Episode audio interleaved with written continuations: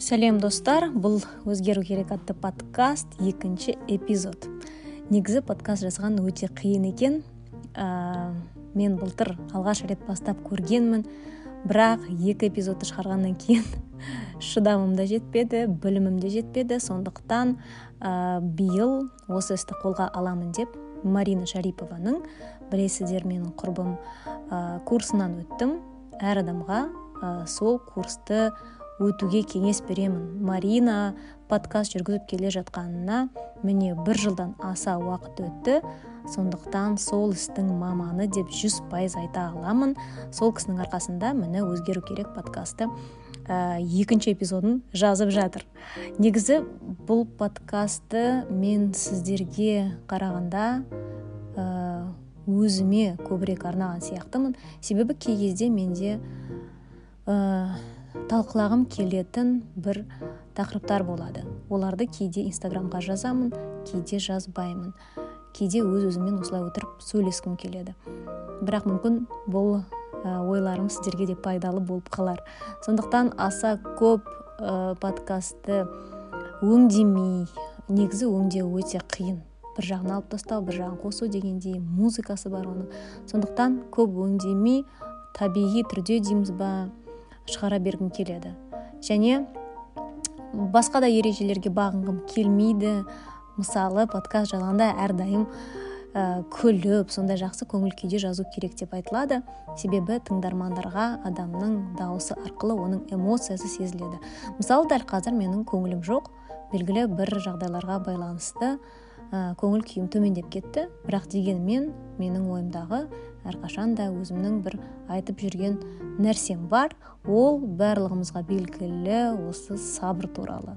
Негізі мен әрқашан айтатынмын ә, бір қазақтарда ә, сабыр деген нәрсе бұл кәдімгідей ешкімде жоқ нәрсе сияқты. Үміт және сабыр. Әлемде сабыр мен үмітке бір номинация премия болса оны міндетті түрде қазақтар жеңіп алушы еді. Себебі бізде сабыр сақта ә, шыдамды бол деген сөздер өте көп айтылады. Бұл әрине бір жағынан дұрыс бірақ ә, мен әрқашан айтатынмын шыдаудың да екі түрі бар. Ә, яғни активті шыдау белсенді дейік және пассивті шыдау. Яғни ештеңке істемей. Ол екі шыдаудың айырмашылығы қандай? Мысалы отбасылық жағдайды алайық иә? Ерлі зайыптылардың арасында қарым қатынас бұрынғыдай емес әйтеуір білмеймін біреу ішіп кетті ма біреу көзін шөп салды ма? Әйтеуір белгілі бір проблемалар орын алды. Біз не істейміз? Көп жағдайда ә, ажырасқыңыз келсе не болмаса тағы да басқа ойлар болған кезде ә, бізге міндетті түрде шыда деп сыртымыздан туысқандарымыз достарымыз айтады. Сол кезде біз шыдауды қалай түсінеміз? Көп жағдайда ештеңке істемей жай ғана отырып шыдау керек. Өзінен өзі бұл түзеліп кетеді иә? Күйеуіміз өзінен өзі арақ та қоя салады дегендей не болмаса білмеймін ә, егер әйелдің бір қисықтығы бар болса қисық қабырға деп айтуға жақсы көреді ғой біздің адамдар. Ә, әйтеуір түк істемесең бірдеңке өзгеріп өзінен өзі дұрысталып қалатын сияқты. Ал біз шыдауымыз керек ештеңке істемеуіміз керек әйтеуір өзінің бір ә, шешімі табылар деп. Бұл пассивті шыдау. Яғни сіз ештеңке істемей жай ғана ситуация өзінен өзі шешіліп кетеді деп ойлап шыдап отырсыз. Түк істемейсіз сонда. Бұл пассивті шыдау және бұл несімен қауіпті. Ә, уақыт өте сіздің шыдамыңыз таусылады. Бұндай пассивті шыдаудан ештеңке өзгермегеннен ә, шыдамыңыз таусылады не болмаса сіз депрессияға батып кетесіз. Түк істемей біреудің өзгергенін күтіп не болмаса жағдайдың өзгергенін күтіп отырсаңыз ешқашан ештеңке өзгермейді ештеңке болмайды. Орыстарда под лежачий камень вода не течет деген жақсы мақал бар білесіздер иә? Бұндай пассивті шыдаумен біздің елімізде адамдардың тоқсан пайызы өмір сүріп келе жатыр. Айтуға ұят бүйтуге ұят сөйтуге ұят дегендей. Сондықтан көп адамдардың проблемалары шешілмей жатыр. Ал енді активті шыдауға келейік иә? Бағанағы ситуацияны қайтадан алайық. Мысалы білмеймін ә, күйеуіңіз ішіп кетті дейік иә? Құдай сақтасын. Не істей аласыз иә? Оны дәрігерге апара аласыз иә? Онымен сөйлесе аласыз білмеймін. Психологқа баруды ұсынасыз ба? Ата анаңызды қосасыз оларға проблемаңызды айтып бересіз. Ата енеңізге айтып бересіз. Әйтеуір бірдеңке істейсіз. Оқисыз ба? Басқа біреуден кеңес сұрайсыз ба? Әйтеуір ә, былай қарасаңыз сіз де шыдап отырсыз ажырасуға қадам жасаған жоқсыз бірақ сіз активті шыдап отырсыз. Сіз бірдеңке істеп жатырсыз. Сіз сол ситуациядан шығу үшін ә, небір қадамдар жасап жатырсыз. Бұл активті шыдау және активті шыдау әрқашан өз нәтижесін береді. Бүгін емес ертең бұл мәселе шешіледі. Мен бірнеше отбасын білемін. Біздің қазақта айтады ғой үйдің ішіндегі болып жатқан нәрсені сыртқа шығаруға болмайды деп иә. Ә, бұдан көп әйелдер зардап шегеді күйеуі ұрсады ішсе де ә, білмеймін. Ә, тағы тағы да бір ә, өзіне ұнамайтын әрекеттер жасаса да әйтеуір ешкімге айтпайды ата енесіне айтпайды ата анасына айтпайды сөйтіп отырып отырып ә, арты жаман болуы мүмкін.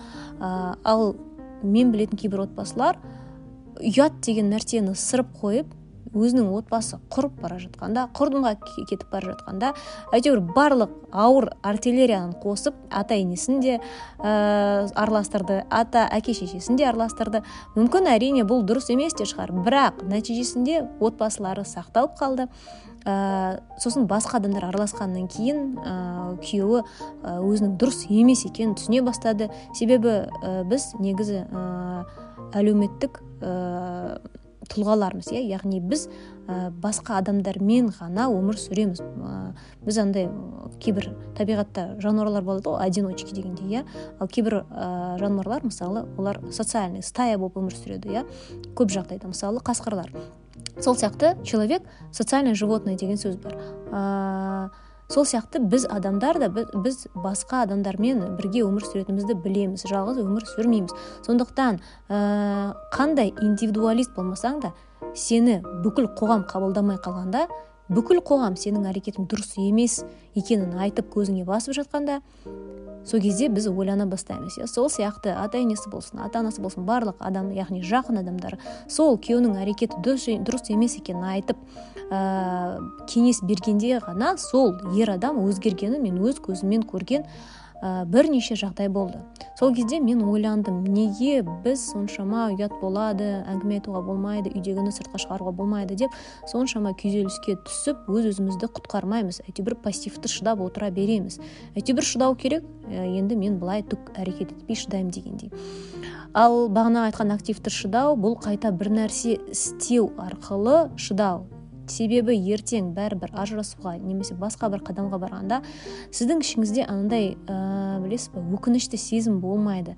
Қап мен мынаны істемей қалдым мынаны істеу керек еді ғой тағы мынандай мынандай қадамдар жасау керек еді ғой деген ойлар сізді мазаламайды. Бұл тек қана отбасылық жағдайға ғана байланысты емес. Егер сіз мысалы жоғарғы оқу орнына түскіңіз келсе не болмаса шетелге барып оқығыңыз келсе не болмаса жұмыс ауыстырғыңыз келсе ә, істеп жатқан жұмысыңыз ұнамаса да осының барлығына осы активті және пассивті шыдауды пайдалануға болады. Егер мысалы жұмысыңыз ұнамаса сіз пассивті түрде шыдап отыра беруіңіз де болады. Әйтеуір жалақым бар ғой дегендей иә? Әйтеуір аш отырған жоқпын ғой. Осы жағдайда мысалы карантин кезінде дейік иә дәл қазір. Елдер жұмыс таба алмай жатқанда әйтеуір жұмысым бар ғой деп пассивті шыдап отыруға болады. Бірақ жұмысыңыз сізге ұнамайды. Ал активті шыдау деген не? Активті шыдау бұл кезде мысалы қалай жүзеге асуы мүмкін? Сіз өзіңіз істеп жатқан жұмысыңыздың ішінен қандай функциялар ұнайды? Соны тауып көріңіз иә мысалы. Соны істеп көріңіз. Не болмаса бастығыңызға барып айтыңыз. Мен ә, мынаны мынаны мынаны істеудің орнына мынаны мынаны мынаны істейін иә не болмаса мені басқа қызмет орнына ә, ауыстырыңыз дегендей иә мысалы. Басқа адамның орнына. Не болмаса маған мынау мынау ұнамайды мынаны істеп көрейін деп. Не болмаса хедхантерге резюмеңізді тастаңыз. Басқа жерден жұмыс істеңіз. Сіз әйтеуір шыдап отырсыз жұмыстан шықпай. Бірақ сіз белгілі бір әрекет етіп шыдап отырсыз сіз активті шыдап отырсыз. Сол кезде ә, міндетті түрде бір нәтиже болады. Бұл, бұл нәрсеге мен өзім көзім талай рет жетті. Егер мен түк істемей ә, әйтеуір бір нәрсені күтіп отырсам ешқашан ештеңке болмайды. Бірақ шыдап отырмын деген атым бар иә? Ал егер мен бірдеңке істеп белсенді түрде шыдасам онда міндетті түрде бірдеңке өзгереді. Ә, сондықтан осы екі нәрсені біз ажырата білуіміз керек. Және қазір ойлап қараңыз сізді өміріңізде сіздің өміріңізде дәл қазір қандай оқиғалар болып жатыр? Сізге ұнамайтын иә мысалы ә, не болмаса мүмкін ол бірнеше жылдар бойы созылып келе жатқан бір проблема шығар. Өз өзіңізден сұраңыз мен не істедім? Мен дәл қазір не ә, шыдаудың яғни қандай түрін пайдаланып жатыр. Мен активті шыдап жатырмын ба бұл ситуацияға не болмаса пассивті шыдап жатырмын ба бұл ситуацияға. Өзіңізге осы сұрақты қойып көріңіз. Егер пассивті болса оны қалай активті шыдауға ауыстыруға болады соны ойланыңыз. Егер пассивті шыдап жатсаңыз онда неге сол сіз оны шыдап жатырсыз? Ә, ситуация сол уақыттың арасында одан сайын өршіп күрделеніп кетпеді ме? Сол туралы да ойланыңыз.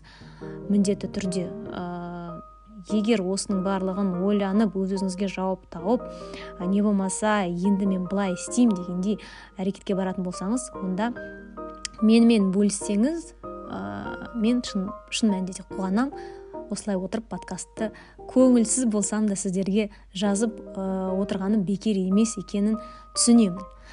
Ал осымен екінші эпизод аяқталды. Иә эпизодтар ұзақ болмайды. Шамамен 10-15 минуттан деп шештім өз өзіме. Сіздер бұны үй, үйде білмеймін еден жуып жатқанда да не болмаса көлікпен келе жатқанда да не болмаса жұмыста отырып обедке шыққанда да кез келген кезде тыңдауларыңызға болады. Подкаст осысымен өте ыңғайлы. Ал осы нотада дейін иә мен сіздермен қоштасамын. Үшінші эпизодта көріскенше жоқ көріскенше емес қалай болады подкастта естігенше ма тыңдағанша ма? Әйтеуір жақсы өздеріңіз егер ә, бір нұсқасын тапсаңыздар маған да жазсаңыз болады. Ә, маған қалай жазуға болады? Инстаграм желісінде айна ә, төменгі сызықша дос қызы деп мені тауып алып директке жазсаңыздар болады. Не болмаса комментарийға жазсаңыздар болады. Қуана қуана күтемін.